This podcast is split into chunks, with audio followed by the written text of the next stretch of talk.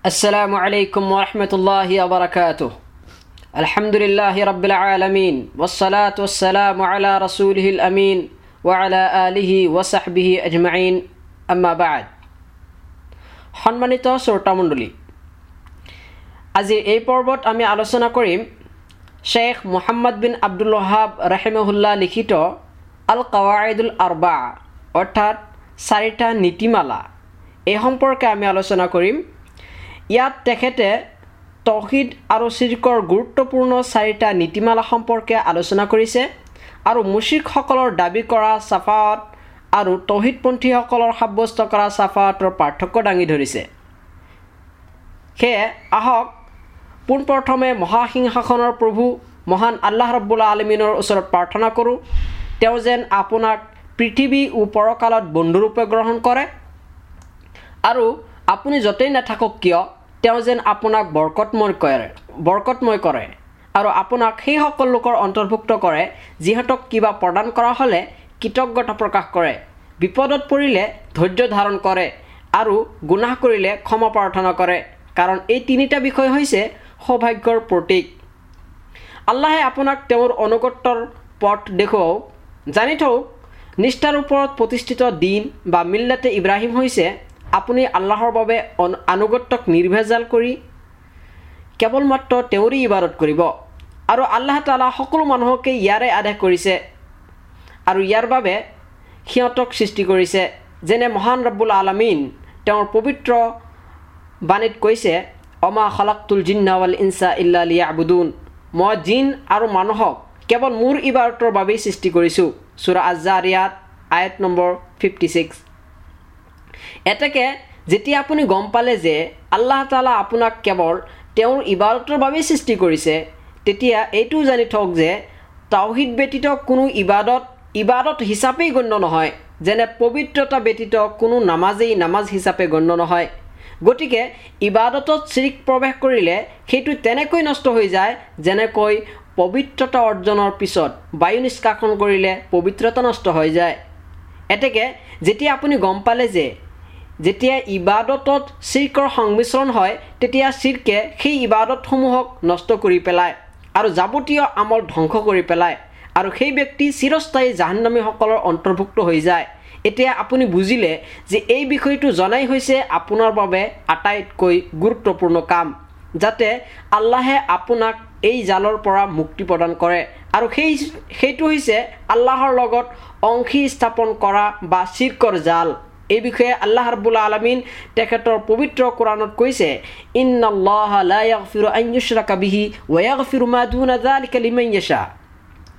নিশ্চয় আল্লাহ তালা তেওঁৰ লগত অংশী স্থাপন কৰাক কেতিয়াও ক্ষমা নকৰে আৰু ইয়াৰ বাহিৰে তেওঁ যিটো ইচ্ছা সেইটোকে ক্ষমা কৰি দিয়ে। চুৰা আন্নিচা আইট নম্বৰ ফৰ্টি এইট আৰু এইটো অৰ্থাৎ চিৰ্কৰ এই জাল। এই জালৰ পৰা মুক্তি কেৱল এই চাৰিটা নীতি জনাৰ মাধ্যমতেই সম্ভৱ হ'ব। যিটো আল্লাহ তালা তেওঁৰ পুথিত অৰ্থাৎ পবিত্ৰ কোৰাণত বৰ্ণনা কৰিছে। আহক আমি সেই চাৰিটা নীতি সম্পৰ্কে আলোচনা কৰোঁ। প্ৰথম নীতি হৈছে জনাৰ প্ৰয়োজন যে সেইসমূহ কাফিৰ যিহঁতৰ লগত নবী চল্লাহ আলহিচাল্লাম যুদ্ধ কৰিছিল সিহঁতে এইটো স্বীকাৰ কৰিছিল যে আল্লাহ তালাই সৃষ্টিকৰ্তা জীৱিকাদাতা আৰু সকলো বস্তুৰ বস্তুৰ পৰিচালক। তথাপিও এই চিৰা স্বীকাৰোক্তি সিহঁতক ইছলামত প্ৰৱেশ কৰোৱা নাই। ইয়াৰ প্ৰমাণ আল্লাহ ৰবুল আলমিনে কৈছে কুল মাইয়াৰ জুকুকুম মিনাসমা ইউল আৰ্দ আম্মে য়েমলুকু সমা ওয়াল আবসার ওমাই ইউখরিজুল হাইয়া মিনাল মাইয়িত ওমাই ওয়াইখরিজুল মাইয়িতা মিনাল হাই ওমাই ইউদাব্বিরুল আমরা ফাসায়াকুলুন আল্লাহ, ফাকুল আফালা তাত্তাকুন? কোৱা তেওঁ কোন যিয়ে তোমালোকক আকাশ আৰু পৃথিৱীৰ পৰা জীৱিকা দান কৰে? অথবা কোন সেইজন যিয়ে কাণ আৰু চকুৰ ওপৰত পূৰ্ণ অধিকাৰ ৰাখে? আৰু তেওঁ কোন? যিয়ে জীৱন্তক প্ৰাণহীনৰ পৰা উলিয়ায় আৰু প্ৰাণহীনক জীৱন্তৰ পৰা উলিয়ায় আৰু সাৰ্বভৌম কৰ্তৃত্ব কাৰ? তেতিয়া অৱশ্যেই সিহঁতে ক'ব আল্লাহ। এতেকে তুমি কোৱা তেন্তে কি তোমালোকে তাকো অৱলম্বন নকৰিবানে? চুৰা ইউজ আইট নম্বৰ থাৰ্টি ওৱান দ্বিতীয় নীতিটো হৈছে আৰৱৰ মুচিকসকলে কৈছিল আমি কেৱল নৈকট্য আৰু চুপাৰিচ পোৱাৰ আশাত সিহঁতক আহ্বান জনাওঁ আৰু সিহঁতৰ শৰণাপন্ন হওঁ। নৈকট্য লাভৰ আশাত সিহঁতক আহ্বান কৰিছিল আৰু ইয়াৰ প্ৰমাণ আল্লাহ ৰব্বুল আলমিন পবিত্ৰ কোৰণত কৈছে والذين اتخذوا من دونه أولياء ما نعبدهم إلا ليقربونا إلى الله زلفى إن الله يحكم بينهم فيما هم فيه يختلفون إن الله لا يهدي من هو كاذب كفار আৰু যিহঁতে আল্লাহৰ পৰিৱৰ্তে আনক অভিভাৱক ৰূপে গ্ৰহণ কৰে সিহঁতে কয় আমি এওঁলোকৰ ইবাদত এইবাবেই কৰোঁ যে এওঁলোকে আমাক আল্লাহৰ সান্নিধ্য লাভ কৰাই দিব। সিহঁতে যি বিষয়ে পৰস্পৰৰ মাজত মতভেদ কৰিছে আল্লাহে তাৰ ফাইচলা কৰি দিব। নিশ্চয় আল্লাহ মিথ্যাবাদী ও কাফিৰসকলক সৎ পথত পৰিচালিত নকৰে। চুৰা আজুমাৰ আয়ত নম্বৰ থ্ৰী। এই উপাস্যবোৰ আল্লাহৰ ওচৰত সিহঁতৰ চুপাৰিচকাৰী হ'ব বুলি সিহঁতে তাৰ উপাসনা কৰিছিল। ইয়াৰ প্ৰমাণ আল্লাহৰ বোলা আলমিনে কৈছে আবুদুন আমিন দুন ইল্লাহি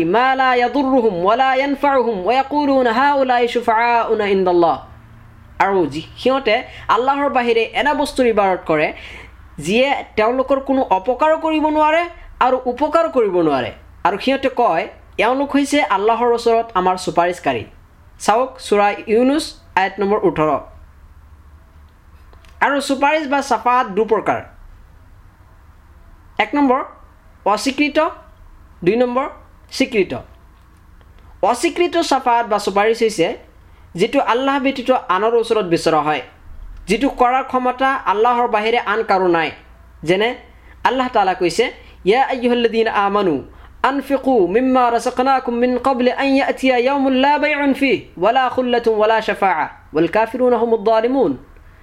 সেই মান্দৰসকল আমি তোমালোকক যি জীৱিকা দান কৰিছোঁ তাৰ পৰা সেইদিন অহাৰ পূৰ্বেই ব্যয় কৰা।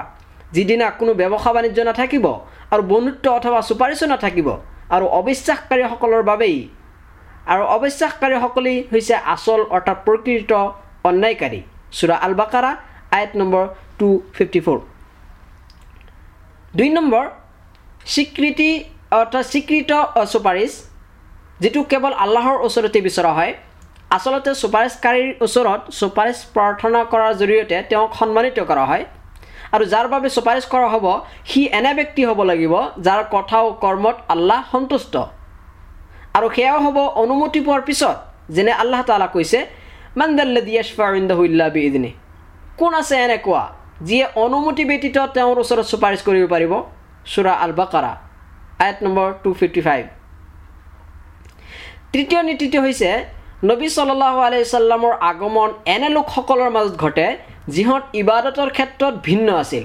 সিহঁতৰ মাজত কিছুমানে ফিৰিষ্টাসকলৰ ইবাদত কৰিছিল আৰু কিছুমানে নবী সৎ লোকসকলৰ ইবাদত কৰিছিল আৰু কোনোবাই গছ গছনি ও শিলৰ পূজা কৰিছিল আৰু কোনোবাই সূৰ্য চন্দ্ৰৰ ইবাদত কৰিছিল। আৰু নবী চল্লাহ আলিয়াল্লাম সিহঁতৰ মাজত কোনো পাৰ্থক্য নকৰি সিহঁত সকলোৰে বিৰুদ্ধে যুদ্ধ কৰিছিল। ইয়াৰ প্ৰমাণ আল্লাহ ৰবুল্লা আলমিনে কৈছে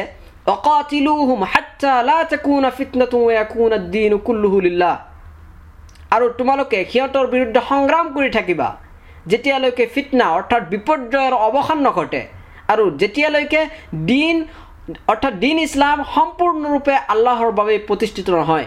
চুৰা আল আনফাল আয়ত নম্বৰ থাৰ্টি নাইন আৰু সিহঁতে যে সূৰ্য ও চন্দ্ৰৰ ইবাৰত কৰিছিল ইয়াৰ প্ৰমাণ আল্লাহ ৰব্বুল্লা আলমিনে কৈছে অমিন ৱান্নাহাৰ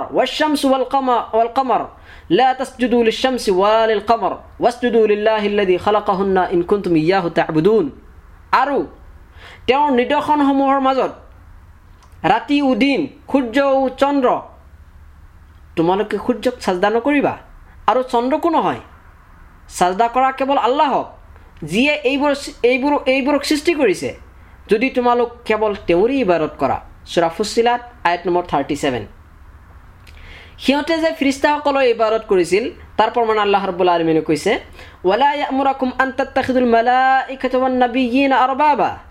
আৰু তেওঁ তোমালোকক কেতিয়াও এইটো নিৰ্দেশ নিদিয়ে। তোমালোক ফিৰিষ্টাসকল ও নবীসকলক প্ৰতিপালক ৰূপে গ্ৰহণ কৰা। চুৰা আল ইমৰাণ আয়ত নম্বৰ এইট্টি মক্কাৰ কাফিৰসকলে যে নবী কৰিম চল নবীসকলৰ ইবাদত কৰিছিল তাৰ প্ৰমাণ আপুনি চাব পাৰে আল্লাহ ৰব্বুল্লা আলমিনে কৈছে وإذ قال الله يا عيسى ابن مريم أأنت قلت للناس اتخذوني وأمي إلهين من دون الله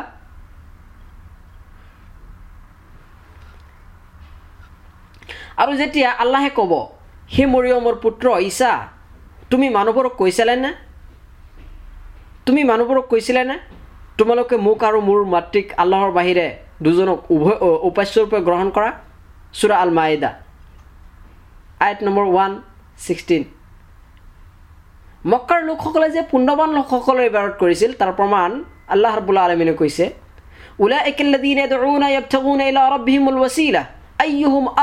ওয়াৰজুনা ৰাহমাতা ওয়াখাফুনা আযাবা সিহঁতে যিহঁতক আহ্বান কৰে সিহঁতে নিজেই সিহঁতৰ প্ৰতিপালকৰ নৈকট্য লাভৰ উপায় সন্ধান কৰি ফুৰে যে সিহঁতৰ মাজত কোনে কিমান সান্নিধ্য লাভ কৰিব পাৰে। তেওঁৰ দয়া আশা অৰ্থাৎ আল্লাহ ৰব্বুল আলমিনৰ দয়া আশা কৰে আৰু তেওঁৰ শাস্তিক ভয় কৰে। চুৰা আল ইছৰা আয়ত নম্বৰ ফিফটি ছেভেন সেই সময়ত মক্কাৰ লোকসকলে যে গছ গছনি আৰু শিলৰ ইবাৰত কৰিছিল তাৰ প্ৰমাণ আপুনি চাওক। আল্লাহ ৰব্বুল্লা আলমিনে কৈছে আফৰ আই তুমুল্লাহ উজ্জা অমানাথ উখৰা তোমালোকে ভাবিছানে লাট আৰু উজ্জা সম্বন্ধে আৰু তৃতীয় আন এটা মানাত সম্বন্ধে চুৰা আন নাজম আইট নম্বৰ নাইনটিন টুৱেণ্টি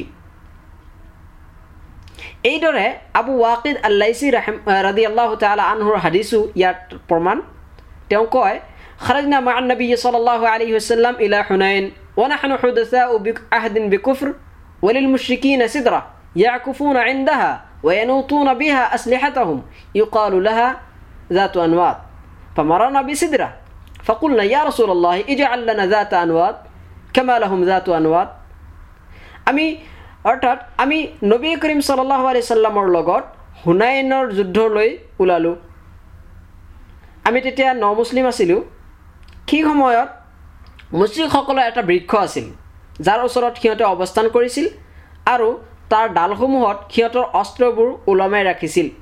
তাৰ নাম আছিল জাটো আনোৱাত অৰ্থাৎ বৰকটৰ গছ। আমি এই ধৰণৰ এটা গছৰ ওচৰেদি অতিক্ৰম কৰিলোঁ।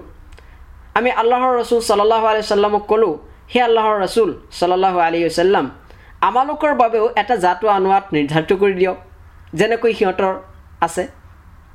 হাদিছটো তিৰমিজিৰ। চতুৰ্থ নীতিমালাটো হৈছে আমাৰ এই যুগৰ মুচিকসকলৰ চিৰিক পূৰ্ব যুগৰ মুচিকসকলতকৈ অধিক কঠোৰ। কাৰণ পূৰ্ব যুগৰ মুচিকসকল কেৱল সুখ আৰু স্বচ্ছলতাৰ সময়ত চিৰিক কৰিছিল আৰু দুখ ও আপদ বিপদৰ সময়ত একান্তভাৱে আল্লাহকেই আহ্বান কৰিছিল। কিন্তু আমাৰ এই যুগৰ মুচিকসকলে সুখ দুখ সৰ্ব অৱস্থাতে আল্লাহৰ লগত চিৰিক কৰে। তাৰ দলিল তাৰ প্ৰমাণ আল্লাহ ৰব্বুল আলমিনেৰ বাণী। ফাইদা ৰাকিবু ফিলফুল কি দাউল্লাহ মুখলিসিন আলাহুদ্দিন ফালাম্মা নাজ্জাহুম ইলাল বাৰ্ৰি ইদাহুম ইশৰিকুন সিহঁতে যেতিয়া নাৱত আৰোহণ কৰে তেতিয়া সিহঁতে বিশুদ্ধ চিত্তে আল্লাহকেই মাতে। তাৰপিছত যেতিয়া তেওঁ যেতিয়া স্থলত আনি সিহঁতক উদ্ধাৰ কৰে তেতিয়া সিহঁতে চিৰ্ক কৰে। চুৰা আল আনকাবুত আইট নম্বৰ ছিক্সটি ফাইভ। শ্ৰোতামণ্ডলী আজিৰ এই পৰ্ব আমি ইয়াতে সামৰণি মাৰিছোঁ আল্লাহৰ ওচৰত দোৱা কৰিছোঁ। আল্লাহে আমাক সঠিক পথ দেখুৱাওক আৰু তাৰ ওপৰত পৰিচালিত কৰক। আমিন। ওসল্লাহ আলা নবীল কৰিম আলহামদুলিল্লাহ ৰব্বিল আলমিন।